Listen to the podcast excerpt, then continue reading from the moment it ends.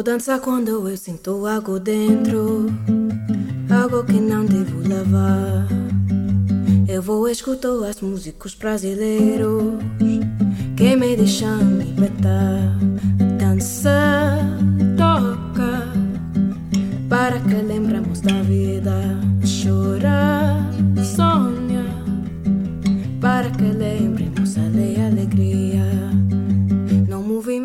Bos días, boas tardes ou boas noites non dende o recuncho de arquitecturas en fronteiras no segundo andar da Escola de Arquitectura da Coruña como habitualmente faríamos senón dende as nosas casas por mor da pandemia.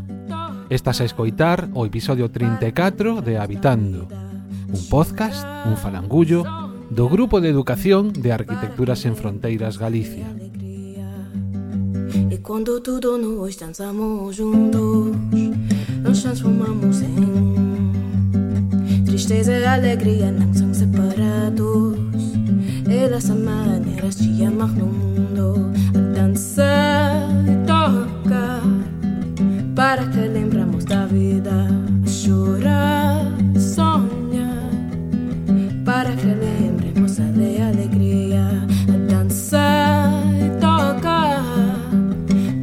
lembramos da vida, chorar e sonhar. Para que lembremos, para que lembremos, para que lembremos, ale, ale, ale, ale, para que lembremos, ale, alegria.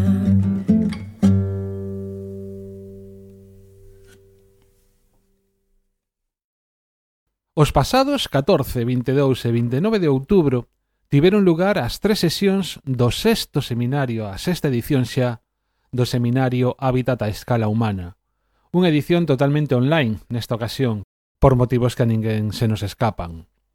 Quixemos reflexionar e compartir ideas e experiencias sobre a educación, os espazos e os tempos para iso, os cuidados, o hábitat digno e a vida digna, sempre.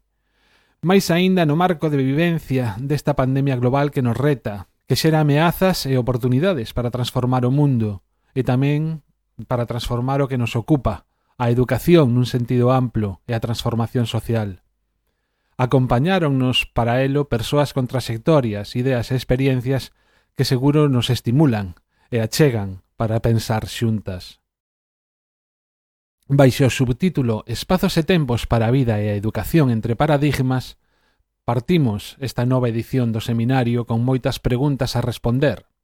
Que é hoxe unha vida digna, un hábitat digno? Como esta crise ecosocial e pandémica está a redefinir esta idea? Que oportunidade nos trae este momento para cuestionar, caer a normalidade e abrir brecha a outros paradigmas e a diversidade no social e no educativo? Como poder reelaborar e resituar as ideas de vulnerabilidade, interdependencia, resistencia, poder, coidados, afectos neste momento? Que experiencias nos dan luz no ámbito ecosocial, no ámbito educativo? O resultado, todas as ponencias están xa disponibles na nosa canle de Youtube e tamén na nosa web. E tamén neste episodio de Habitando que estás a escoitar a modo de resumo, igual que fixemos coa anterior edición. A partir de aquí e ata o final do episodio un escolma de fragmentos destas charlas, cun breve comentario inicial sobre cada unha delas. Habitando, o falangullo de Arquitecturas en Fronteiras Galicia. Eu vou dançar quando eu sinto algo dentro. Pues cuando empezamos a, a pensar este sexto seminario, estábamos en pleno confinamiento, viviendo una situación impactante a nivel físico, social, emocional y a escala global, ¿no? Nos pensábamos a través de aquella pregunta que circulaba, eh, que estaba en el aire, de si de esta saldremos mejores, de cuánto nos va a cambiar esto, de si seremos capaces de identificar lo que estamos haciendo mal y de poner en marcha las estrategias para reorientarnos ¿no? en la vida y en las escuelas y en todos los aspectos de nuestra existencia. Y ahí nos vino a la cabeza invitar a Carlos Esquiliar. Carlos es un pedagogo argentino lo pensamos y, quisimos contar con su participación en el seminario por su papel como pedagogo, como humano, como persona, como escritor, por sus ideas, por las preguntas que se hace incansablemente y que nos ha regalado muchísimas en esta charla que podéis escuchar en el seminario y en estos extractos que compartimos en el podcast, por su ritmo, ¿no? Nos parecía que era el ritmo de pensamiento de Carlos es, es, frenético. De hecho, intentar eh, escoger unos cortes de su charla es casi misión imposible porque te das cuenta de cómo piensa, ¿no? No hay un punto y aparte. Todos son puntos y comas, ideas enlazadas, un pensamiento en red y en espiral y maravilloso, ¿no? Un pensamiento complejo para tiempos complejos, pero con unas ideas, eh, algunas propuestas, deseos muy, firmes y muy claros. Carlos es investigador principal y docente en CONICET y es profesor, dirige un posgrado en Flaxo, en la Facultad Latinoamericana de Ciencias Sociales en Argentina, titulado Pedagogía de las Diferencias, que es, una maravilla de programa que os recomendamos investiguéis un poquito sobre él. Su charla, Hacer escuelas cuando el mundo se desmorona, la educación que era, está siendo y quizás será, fue como una bombita ¿no? en nuestras cabezas, un montón de, de ideas, de preguntas, de desafíos. Y entre ellos, bueno, algunos de los que hemos escogido en estos pequeños cortes, él nos propone las escuelas como aquello que no se tiene que parecer a nada de lo que hay fuera, ¿no? Como espacios y tiempos liberados de la productividad, del resultado, del peso. Nos propone a la humanidad recuperar la infancia, la niñez y la humanidad han perdido la infancia, nos dice, y nos propone crear un movimiento global para recuperar la infancia, que no es más que el tiempo y el espacio digno, ¿no? Algo que quizá en esta pandemia nos ha puesto a reflexionar mucho sobre eso, ¿no? Sobre nuestro uso de los espacios y de los tiempos que nos damos. Ha sugerido a los educadores y educadoras eh, la idea del cuidado, ¿no? Como el centro de, de nuestro trabajo. La apetencia del educador es el cuidado, nos dijo. En la charla ha cuestionado toda la idea de normalidad, ¿no? Eh, apelando a que la escuela tiene que profanar esa idea de, normalidad, que es tan antipedagógica y antieducativa y antidemocrática. Ideas tan potentes como estas que os transmito aquí, así rápidamente, están desarrolladas, ya os digo, en esta charla de una hora y media larga, incluidas las preguntas en las que no hay punto así aparte, ¿no? Es un empezar a tirar de, de un hilo, de un ovillo, para pensar la escuela y para pensar la vida en realidad y la sociedad en la que se inserta y la sociedad a la que quiere, a la que quiere dar lugar. Así que nada, aquí os dejamos estos extractos para que podáis disfrutar de todo este pensamiento de Carlos, que es un regalo. Creo que lo que ha producido la pandemia es una suerte de eh, eh, actos, de acciones y de formas de pensar y de formas de interrogarse y de preguntar que todavía no terminan por distinguir lo que será precario, lo que será solo de este tiempo y que pasará a un buen o mal recuerdo de aquí a, adelante, de lo que podrá ser permanente. Eso, desde el punto de vista formativo, desde el punto de vista educativo, es a mi modo de ver trascendental.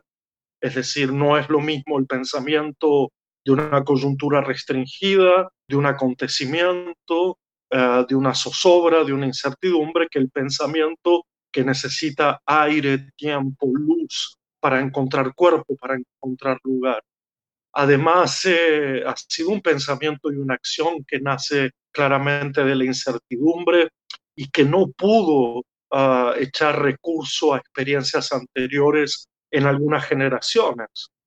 Ah, según el lugar del mundo donde vivimos, la experiencia de los dramas mundiales, eh, a los que muchas veces hemos asistido como espectadores, o de los dramas locales, nacionales, le han dado a lo mundial un carácter muy, muy regional, a mi modo de ver, que es que en ciertos lugares del mundo la incertidumbre es moneda corriente o la ficción de la seguridad, del confort, del resguardo, no ha existido prácticamente en toda nuestra historia, aunque ese relato es un relato tranquilizador, un relato que calma, el relato de que la vida de alguna manera está asegurada y que lo que pensamos y hacemos está en función de una vida que continúa, que tiene su duración, a tener lo que pensar o, y hacer en función de eh, una vida en permanente desasosiego, una vida en permanente uh, zozobra, ¿verdad? Y, y creo que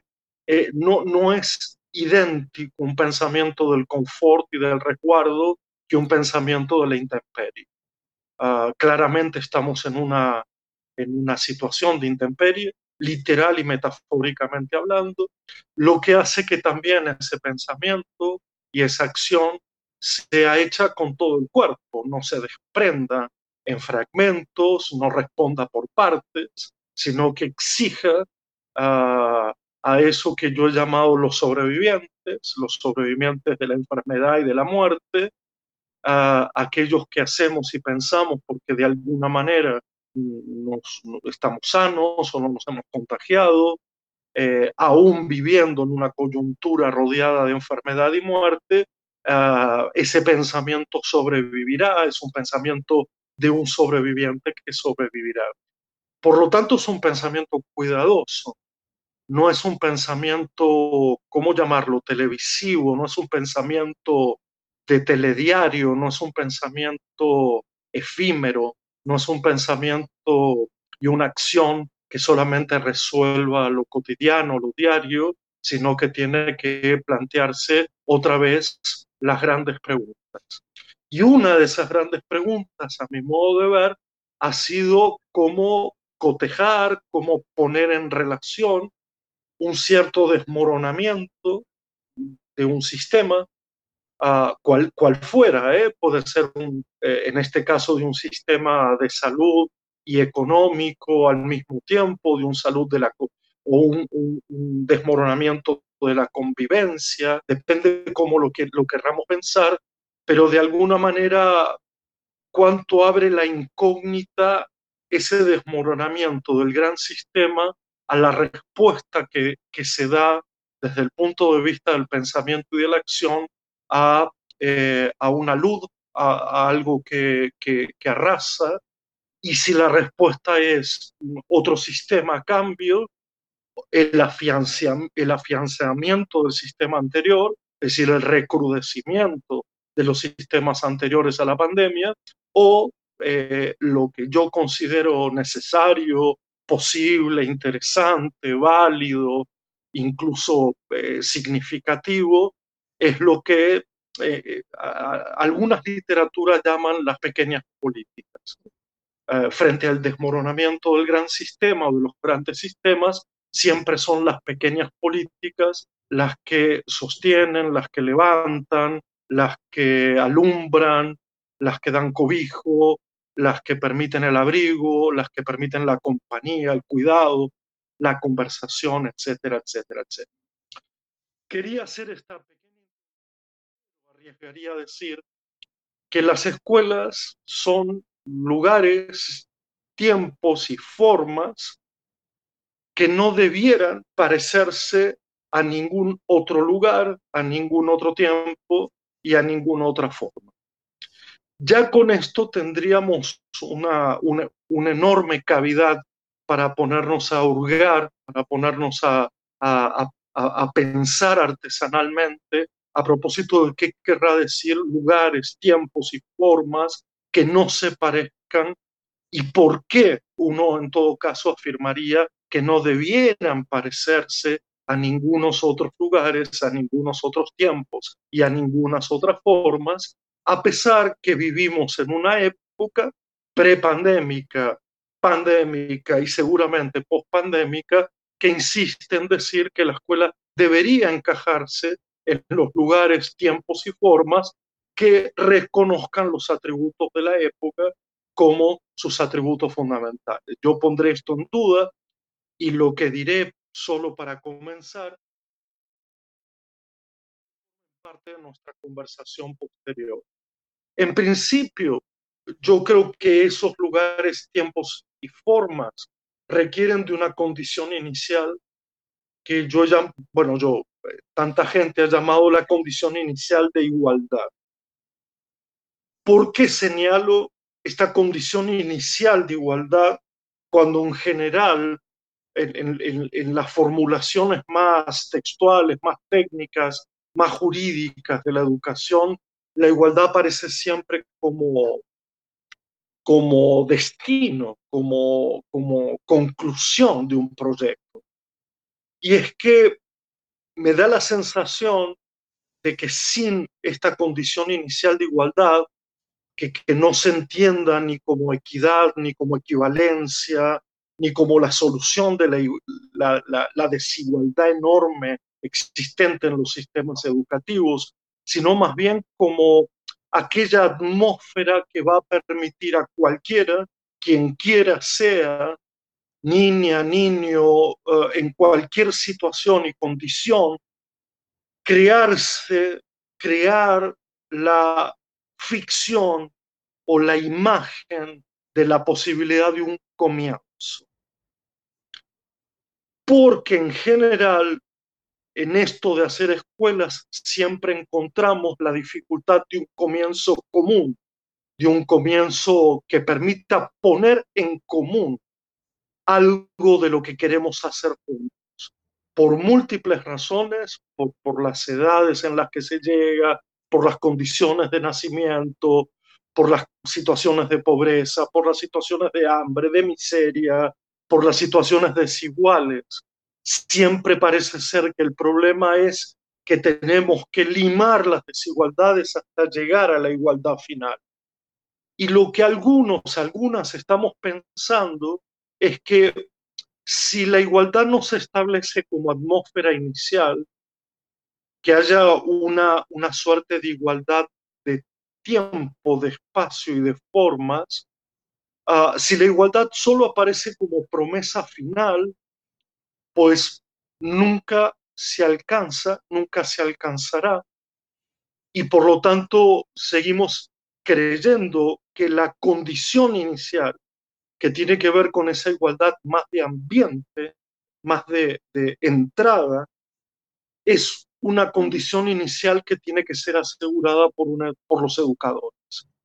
O para decirlo de otra manera, una de las grandes tareas del educador, de la educadora, consiste justamente en crear una atmósfera de igualdad donde cualquiera se sienta, se sienta es una sensación, es una sensación que además se percibe muy nítidamente entre los proyectos, que esa sensación que la niña, el niño, el joven, etcétera, tengan de poder participar justamente en igualdad de condiciones al interior de ese tiempo, forma y lugar.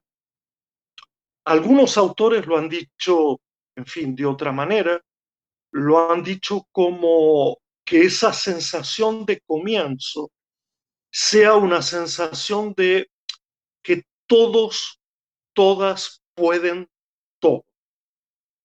Si uh, un educador o una comunidad educativa no parten de esta idea, de que no se entienda solamente como una creencia o como un acto de fe, sino como aquello que fundamenta un proyecto, es decir, la idea de creer, sostener la posibilidad de que todos puedan todo, el propio proyecto educativo cae en, en una trampa que es la trampa de replicar el tejido social existente en otro tiempo en otro lugar, en otro espacio y hecho de otra manera. Y aquí, a mi modo de ver, se abre una posibilidad para pensar y para hacer escuelas que imponen una incógnita inicial a propósito de si la escuela tiene que repetir el tejido social existente o si hacer escuelas significa crear otros tejidos sociales distintos? Y esta es una pregunta que evidentemente con la sola formulación crea cuanto de cierta modorra o de cierta, sí, amnesia. ¿no? Yo creo y quiero ah, compartir con ustedes algunos de los síntomas de, de aquel, aquella humanidad económica eh, que era anterior, muy autodestructiva y que afectaba sin duda lo que llamamos la formación educativa. Entre ellas la aceleración del tiempo, la, la insistencia en un autoaprendizaje competitivo, el reinado del cerebro, las demandas ambiguas a los sujetos de, adaptación y flexibilidad, de creatividad y, de sujeción, la transformación del mundo en un mercado, la vida en ganarse la vida, el abismo entre carentes y abundantes, la separación entre infancia y niñez y finalmente lo que creo que ya era el corolario de ese mundo prepandémico, la pérdida de la infancia en la humanidad entera, es decir, la pérdida del tiempo libre, es decir, la posibilidad de hacer cosas no utilitarias. Casi que diríamos que estábamos en un umbral al cual describiríamos como ah, ambiguo, porque lo que se planteaba como virtuoso era en realidad destructivo.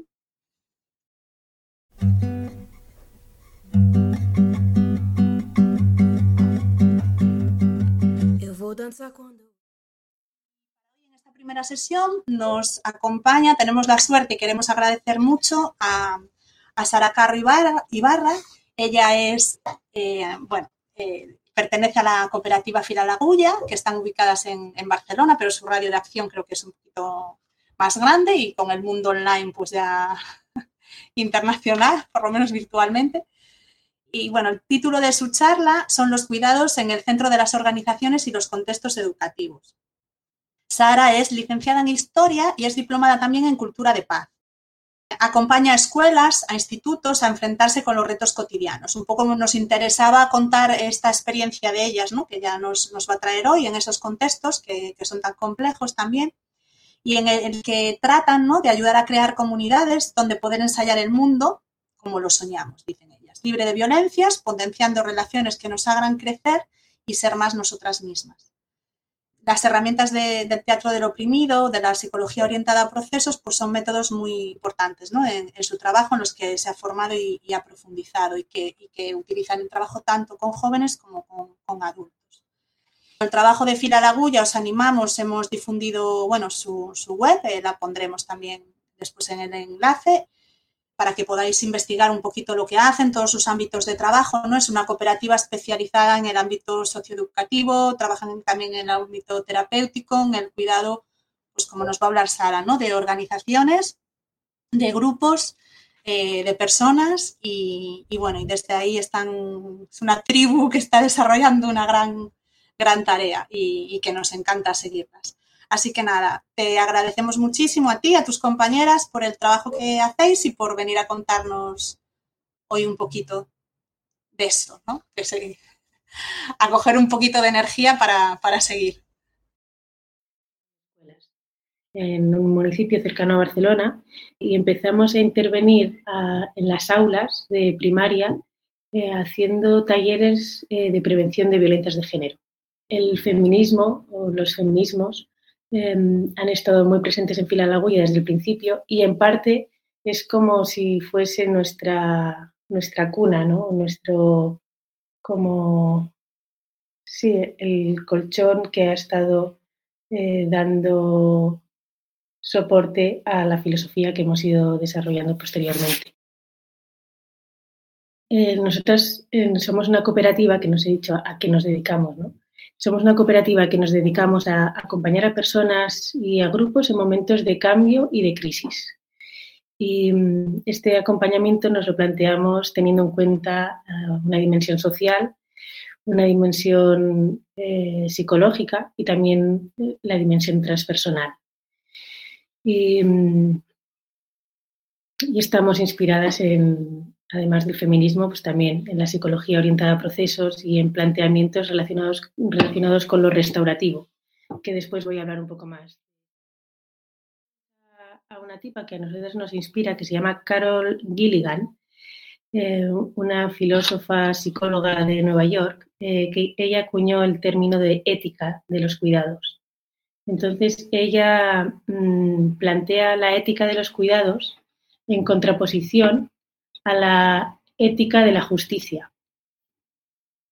Y hace esta diferenciación, ¿no? Como, como en el mundo eh, occidental eh, mayoritariamente se da más prioridad o se ha dado históricamente más prioridad a esta ética de la justicia, es decir, a esta ética que nace de la idea de que todos tenemos, o sea, es importante que todas seamos iguales. Entonces se establecen unos mecanismos, unas normas objetivas para que todas las personas puedan ser tratadas por igual. Eh, se imagina completamente todo esto que ella engloba eh, bajo el término de ética de, los cuidados, que es una manera de entender la justicia de una manera más subjetiva. ¿no? Eh, basada en cada caso, em, teniendo en cuenta que las relaciones eh, son una red, no son eh, algo aislado, y linka con todo esto que otras, otras compañeras después han empezado a llamar, han, han, empezado a englobar bajo el paraguas del ecofeminismo, etc. Entonces, sí, para nosotras es importante nosotras como organización, em, cuando digo que predicamos con el ejemplo, es que ensayamos cómo poder traer algo que nosotras eh, le llamamos democracia profunda, ¿no? Eh, no nos lo hemos inventado nosotras. Eh, una de las de, los marcos que nos inspiran es el, trabajo de procesos y mm, esta nomenclatura viene de, de, este paradigma, ¿no? La democracia profunda tiene la, se basa en la idea de que es importante dar la bienvenida a todo lo que está pasando, a todas las partes de la experiencia humana. Yo cuando trabajo en el mundo educativo muchas veces o cuando trabajo con niños y niñas hablo de una obra de teatro, ¿no? Es importante todos los papeles. Entonces, esto es una actitud eh, ante, ante la vida y ante la experiencia humana que nos, sí, que nos, que, que nos interpela para que podamos abrirnos, eh, abrir nuestra curiosidad a fenómenos que no son tan agradables. Por esto decía al principio, ¿no? Em, tener em, los cuidados en el centro no tiene que ver solamente, no tiene que ver con ser amables. Eh, ser amables está muy bien, pero también es importante poder abrir nuestra curiosidad hacia fenómenos más desagradables, como los conflictos, como la discrepancia, como eh, eh, las subidas de tono a veces, o el dolor o las emociones fuertes. O sea, digamos que todos los, los problemas, ¿no? todos los actores, todas las actrices eh, del campo son importantes. Entonces, dicho esto, lo que observamos es que en, el mundo de la educación va por un lado, por delante en esta tendencia y por otro lado, por detrás. Por delante, ¿por qué? Porque si mm, te, lees un proyecto educativo de, un centro educativo hace, de hace 10 años o incluso de hace 15, em, puedes encontrarte elementos en relación a la atención a la diversidad o a a las intenciones en relación al bienestar de la comunidad, al bienestar de las personas, que son, eh, o sea, que, ninguna organización fuera del mundo educativo, no sé si ninguna, pero pocas organizaciones fuera del mundo educativo estaban contemplando. Entonces, eh, por detrás, ¿por qué? Porque al mismo tiempo que está pasando eso, eh, la, la mayor parte de, las organizaciones del mundo educativo están inmersas en un sistema tan, tan grande y no por grande, que no se puede hacer diferente, eh, que tienen una inercia que no ayuda a poner el foco en el cuidado de las personas eh, desde el punto de vista de la organización. Y me explico. Eh, estos proyectos que, de los que estoy hablando ponen el foco en la atención a la diversidad, por ejemplo, o, en, el, desarrollo integral de los niños y de las niñas, de los jóvenes y de las jóvenes. Pero no hay un foco em, puesto hacia adentro de la organización. Y aquí es donde hay un, sí, iba, iba a decir problema y estaba buscando otra palabra. Pero sí, aquí hay un zip. Voy a poner un ejemplo concreto. Em, nosotras, eh, en los proyectos integrales que realizamos en escuelas, que después os contaré un poco más sobre ellos, em, son proyectos en los que acompañamos a un centro educativo a poder em, realizar los cambios que necesita para, para mejorar aspectos en relación a la convivencia de la comunidad, de la comunidad educativa. Entonces, uno de los, de, los puntos fuertes de estos proyectos tiene que ver con, la mirada restaurativa que os comentaba antes. Es decir, eh, generar una cultura que ayude a las personas a poder hacerse cargo, hacerse responsable del impacto que tienen en los demás. Eh, es, algo bastante eh, contracultural, ¿no? Como, el aprender a hacer eso.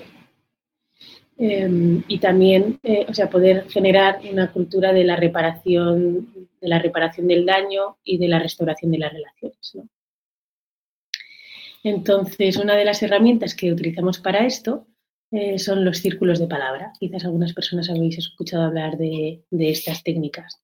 Eh, básicamente, los círculos de palabras son em, una técnica, por llamarlo de alguna manera, eh, que no lo llamarían así las personas que lo utilizan dentro de sus comunidades, pero pongamos este nombre, una técnica que ha sido utilizada eh, históricamente, ancestralmente, por todas las personas que han vivido en comunidad, que cuando tenían algo a gestionar, eh, se ponían en círculo y hablaban. hay diferentes rituales que ayudan a poder hablar a veces los círculos de palabras se utilizan para, eh, para conocernos más y con un objeto de palabra, eh, la persona que tiene el objeto eh, puede, habla, si, quiere, de la, de la, pregunta que se haya lanzado y cuando no tienes el objeto, escuchas lo que las otras personas que, van teniendo el objeto mm, van diciendo.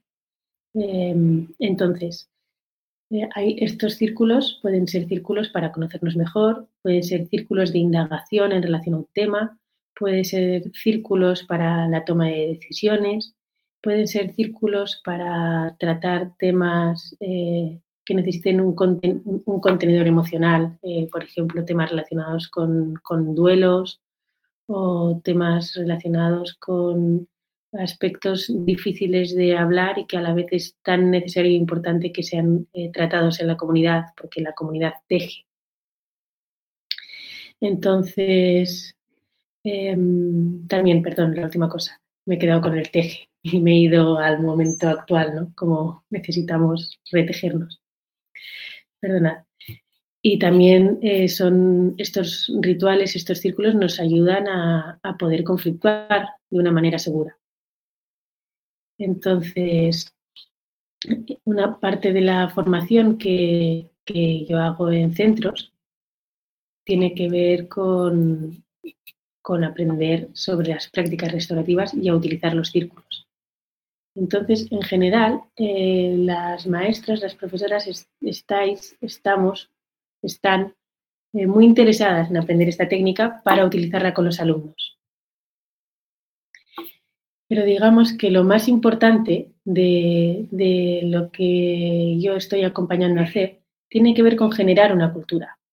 Entonces, lo más importante es que las profesoras, es que el centro educativo, es que la organización incorpore esta manera de entender las relaciones y de entender la, la, organización desde su organización.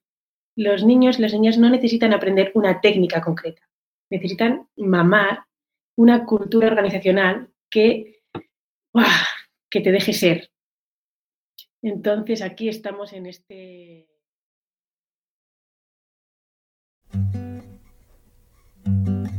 Habitando, o falangullo de Arquitecturas en Fronteiras, Galicia. Eu vou dançar quando eu sinto algo dentro. Algo que... Tienen que ver con lo político, con lo social, con lo económico. Y si un hábitat realmente es digno, todas las necesidades que tienen que ver con esas otras dimensiones tienen que estar cubiertas y por tanto ese hábitat nos debe cubrir esas necesidades.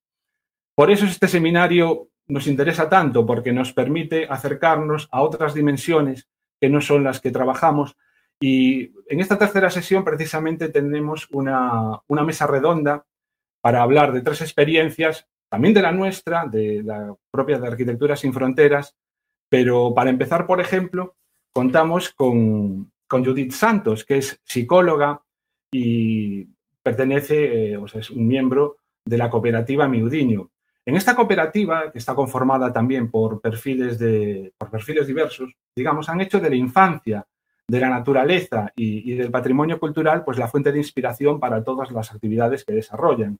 Actividades que muy variadas, como pueden ser talleres de músicas, espacios de juego, construir juguetes, mm, talleres de varios tipos, educación medioambiental, e incluso también trabajan en, en patios escolares.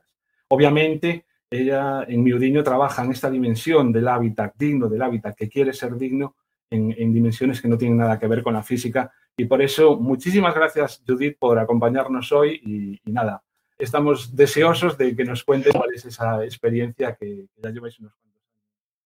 O ecocentrismo sería utopía máxima para nós, non?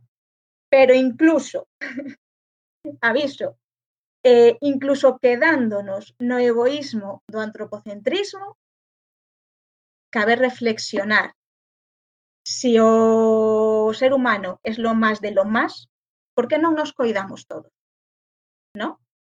Dende un punto de vista egoísta, por que non traballar pola nosa propia saúde? Traballando pola nosa propia saúde, necesariamente vamos a, a por coidar a nosa contorna. E ese é como un, un punto básico na no noso traballo, no? Porque en realidade eh, sí que percibimos que natureza e saúde son indisolubles, forman parte do, dun continuo, dun continuo que debería estar en equilibrio.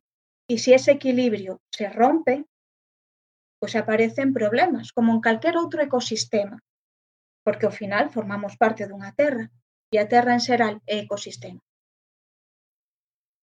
Que precisamos? Precisamos, o sea, úrxenos, para dentro do noso punto de vista, eh, parar e volver a mirar a natureza, volver a vivir nela e, e darnos conta de que a natureza é nai, de que a natureza é vida é refuxio e é protección. Pero nos encontramos cun problema e aquí entra a educación ambiental que ás veces non podemos amar e defender o que non coñecemos porque entón podemos correr un risco grande e é de respetar mm, todo lo natural por ser natural. Eh, bueno, pues nós non somos moi partidarios eh, deste, desta visión, en realidade. Non somos partidarios porque percibimos que ás veces, querendo facer ben, facemos mal. E porque, en concreto en Galicia, temos unha serie de problemas medioambientais que é necesario que necesario resolver, ¿no?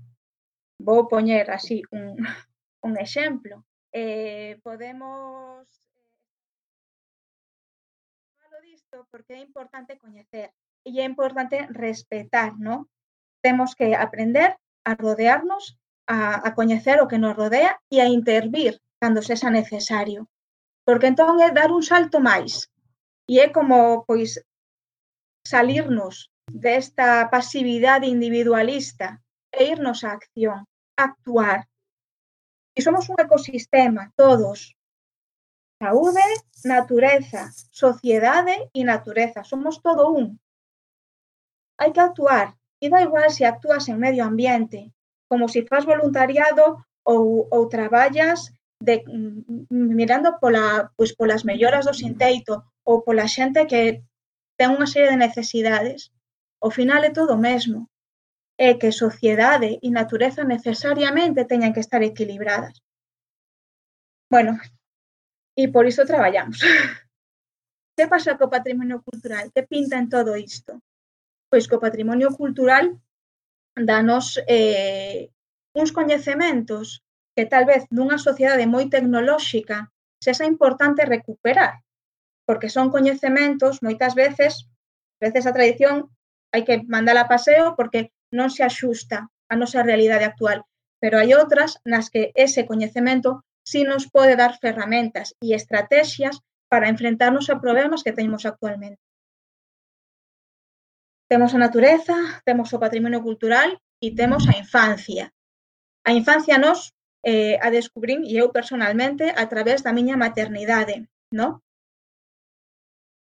E foi cando fun mamá, non antes, antes traballaba con maiores, cando fun consciente de o oh, que gran responsabilidade implica educar, implica criar e que reflexión, no? Que a reflexión un pouco foi que mundo quero compartir eu cos meus fillos.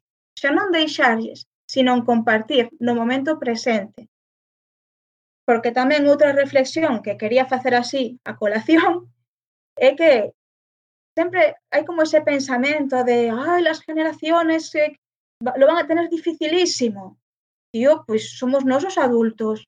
Somos nós quen temos responsabilidade sobre que mundo lle deixamos aos nosos fillos, non? Había unha tribo india, xa vos digo que non vou saber cal é, que cando facía unha intervención na Terra, se plantexaban se si sería beneficiosa para as seguintes sete xeracións. Sete. E nós temos a día de hoxe unha visión tan cortoplacista que só miramos o noso propio beneficio. Non miramos nin polos beneficios da xeración seguinte, que xa son os nosos fillos, a quen queremos e coidamos. Non miramos por eles nese, nese eido. Bueno, entón, un pouco todo isto é o que a nós nos, nos motiva e o que nos chama para, para facer todas as intervencións que facemos para ofertar todos os servizos que ofertamos e, e no, no eido de educación o que nos fixo intervir en patios, ¿no? Porque en realidade, unha vez que facemos unha intervención en patios, unha sola intervención pode estar axudando a vivir ben a tantísimas familias e a tantísima xente que o absurdo sería non facelo. Non? Que facemos nos en patios? Nos en patios ofertamos unha, unha variedade diversa de produtos, porque e de servizos, porque cada comunidade require require pois ten as súas propias necesidades, non? O ideal para nós que sería? Sería que os bosques estiveran nos patios. Entón, que que facemos, que que nos quixeramos que aínda non hai demasiados colectivos que, que sería renaturalizar eses, eses patios, sería eh, plantar árbores, canto máis silvestre, mellor. sería plantar plantiñas, que houbera bichería por aí, polo, polo medio. E, bueno, pois, po, logo poñemos ou non poñemos estructuras de xogo, dependendo un pouco de cal de madeira, de cal seña, eh, bueno, coas, co xogo final, que facemos realmente? Intentamos suplir as carencias do patio, no? Un patio natural, un bosque escola, faría cabañas, os nenos farían cabañas, eles, eles solos, Igual nun patio no que non temos tanta tanto material, bueno, pois se lle dá, se lle dá a cabaña, polo menos é un facilitador de xogo, non? Son moitísimos, moitísimos os, os estudos que, que falan da relación positiva entre natureza e infancia. Os estudios científicos falan de infancia, pero non hai que ser moi espabilado para darse conta de que se a infancia lleven ben, aos adultos tamén, vale? Entón, estes todos estes beneficios, cando facemos formacións, pois é o que queremos mm, facer chegar a eses mm, corazóns e a esas cabeciñas que aínda están aí asentadas nesa pasividade individual. Entendemos por, por saúde a, o que nos di a OMS, non? De que a, a saúde Que nos falta? Nos falta a nós, adultos, calzarnos as botas, poñer un chubasqueiro e sair da nosa zona de confort, que é lo máis difícil.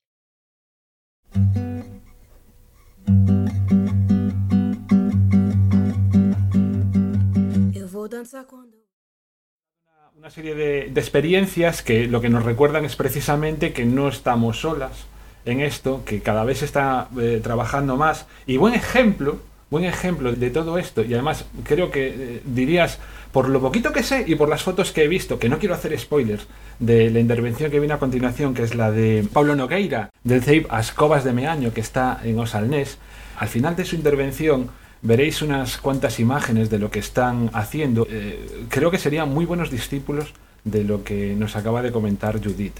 Si en este centro de educación primaria e infantil han sido capaces de hacer todas estas cosas que vamos a ver, lo que le preguntaría antes de nada a Pablo Nogueira es qué condiciones han sido o qué proceso habéis llevado en este centro de educación para poder llegar a conseguir todas las cosas que seguro que van a, asombrar a la gente que nos está viendo y que nos verá más adelante.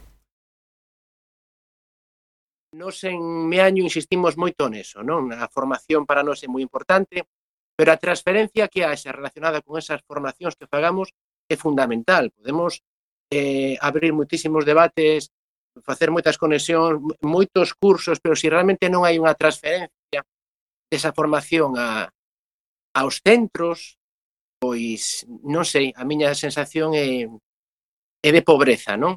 E, e de pouco avance ou de avance moi lento. Non? Bueno, deixar esa reflexión así, así de entrada.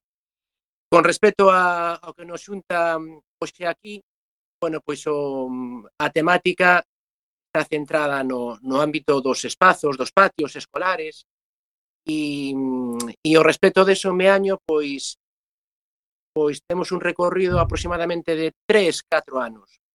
E decir que, mm, bueno, non o, a renovación dos espacios exteriores da escola non foi algo eh, concreto o apartado que decidimos, bueno, pois eh, vamos a, a, a renovar os patios, que están feos. Non foi exactamente así. Eh, o Colexo de Meaño iniciou hai cinco anos un proxecto de renovación, de transformación do proxecto da escola. E dentro dese proxecto de, de transformación da escola, pois se inclúe a renovación dos patios escolares.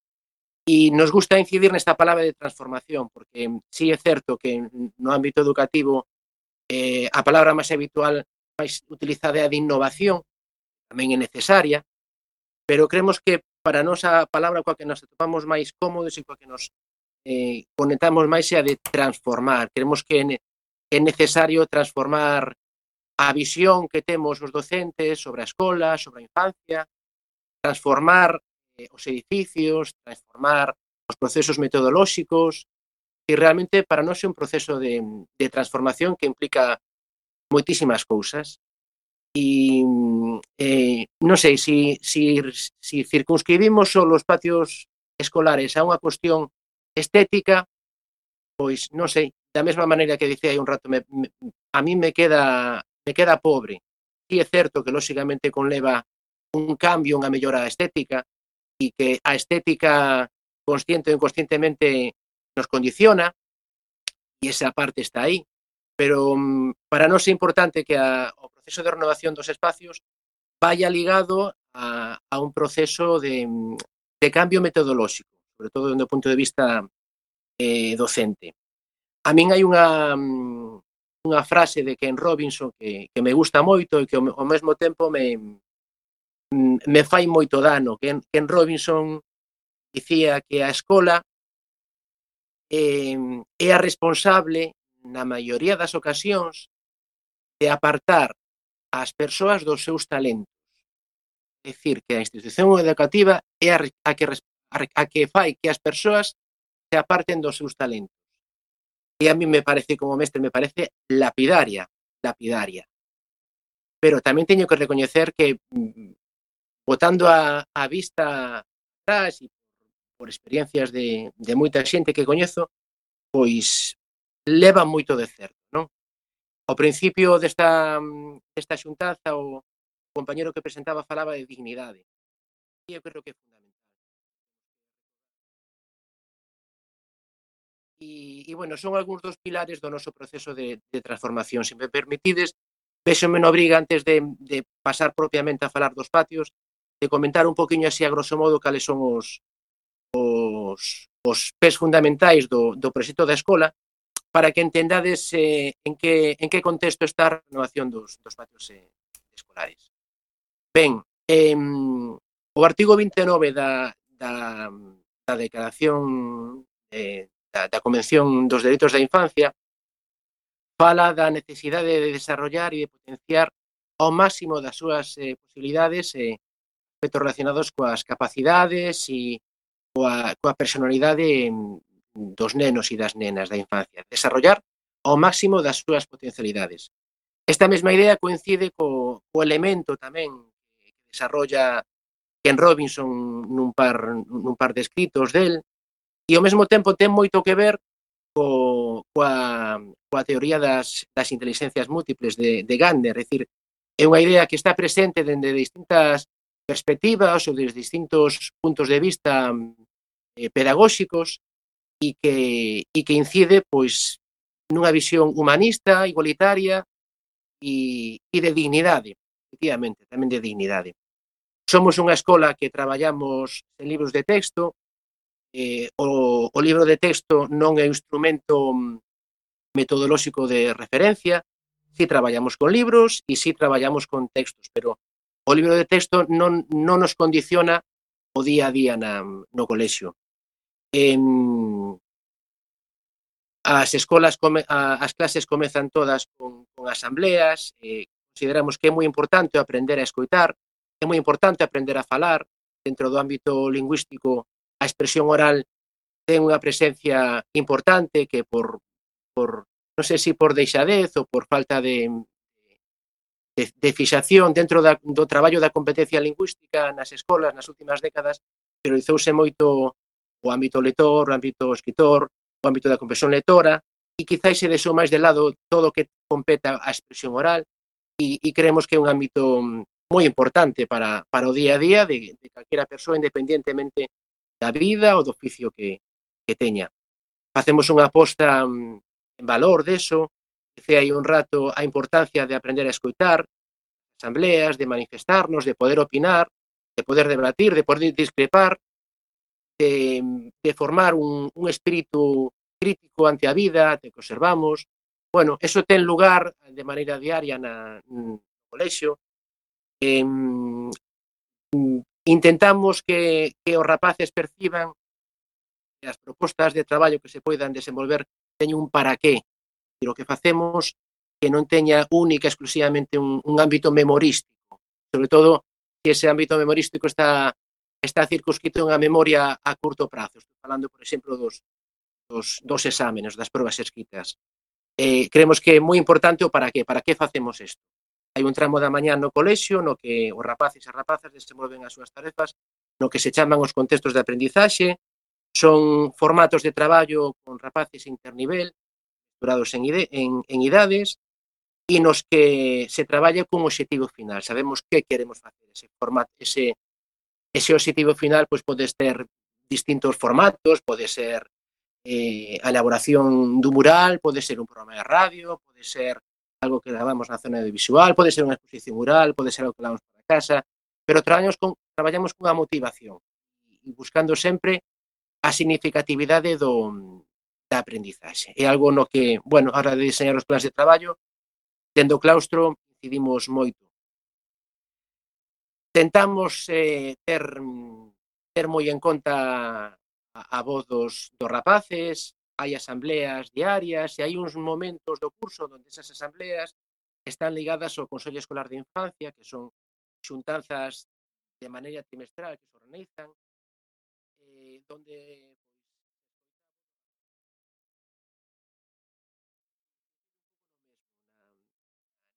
imaginación, no xogo na creatividade, nun xogo natural, sin tensións e moi productivo e moi enriquecedor. Sobre todo, eu incidiría tamén unha cuestión, eh, eh, unha idea de dunha escritora eh, belga que era eh, Amélie Nothomb.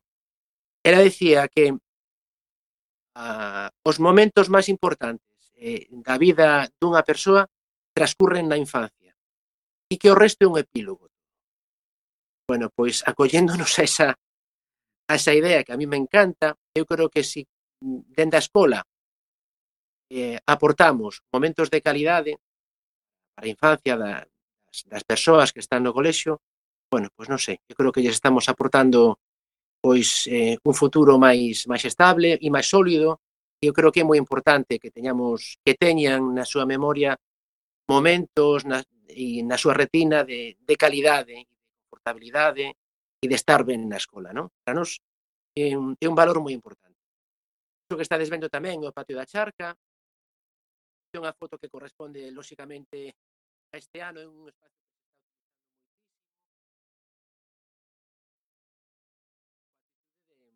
de mellorar os espacios. Si, pode seguir pasando, Alberto. Ben, E este último set de imágenes que, que vos quería amosar, pois eh, non están na escola, é fora da escola. O que estades vendo ora en imaxen, pois é o que, o que hai a dous minutos da escola, é dicir, abrindo a cancela da parte de atrás do colexio, o colexio está construído na, na, na ladeira dun monte, na ladeira do monte Atoxa, e derivada da situación actual que temos de pandemia, protocolo de adaptación famoso da COVID-19, pois, bueno, nos decidimos plantexarnos esta situación como unha oportunidade e non ver isto como un gran problema, que o é tamén, pero eh, isto ten que servir para ten que servir de algo, ten que, temos que buscar a parte positiva desto, non? E, bueno, recordaredes que a la, a la Polo Brán, as autoridades educativas e, e científicas, médicas, falaban da necesidade de priorizar os espacios exteriores. Está demostrado que unha vez que estamos no exterior a posibilidade de contagio se reduce entre 15 e 20 veces. Pois ben, eso que queremos facer e iso que estamos plantexando na escola, botar man dos espacios exteriores. E, bueno, o que, o que estamos facendo é desenvolver un, un proxecto relacionado co monte, Monte da Toxa. E desa maneira, pois, bueno, pois estamos cumprindo co protocolo, pero a sensación que temos agora, dous meses despois de rematar o curso, é que, é que isto é, é algo que ven para quedarse. Que non se vai a quedar solo neste, neste curso e do proxecto que facemos sobre o monte, sino que son dinámicas que veñen para quedarse, porque, bueno, eh, o potencial curricular que ten eh, é brutal. Decir, podemos desenvolver Bueno, eu creo, creo que todo, casi todo o currículo que temos os mestres por obriga que desenvolver en cada curso, podémoslo facer nese monte, e, e se está facendo, non? Entón, realmente, que se nos abre unha porta enorme e que, bueno, ao mesmo tempo vincúlase moito co, coa idea do proxecto da escola e, e bueno, aínda que non ten propiamente que ver co, co espacio escolar, bueno, sí que recolle, creo, a, a idea de Judith, non? De, de ter nos, nos recreos bosques, non? Nos, nos témolo a, a dous, tres minutos, dependendo do, do paso que leves. Incluso a sensación que temos neste momento é pero como non o vimos antes? É dicir, si, si está aí,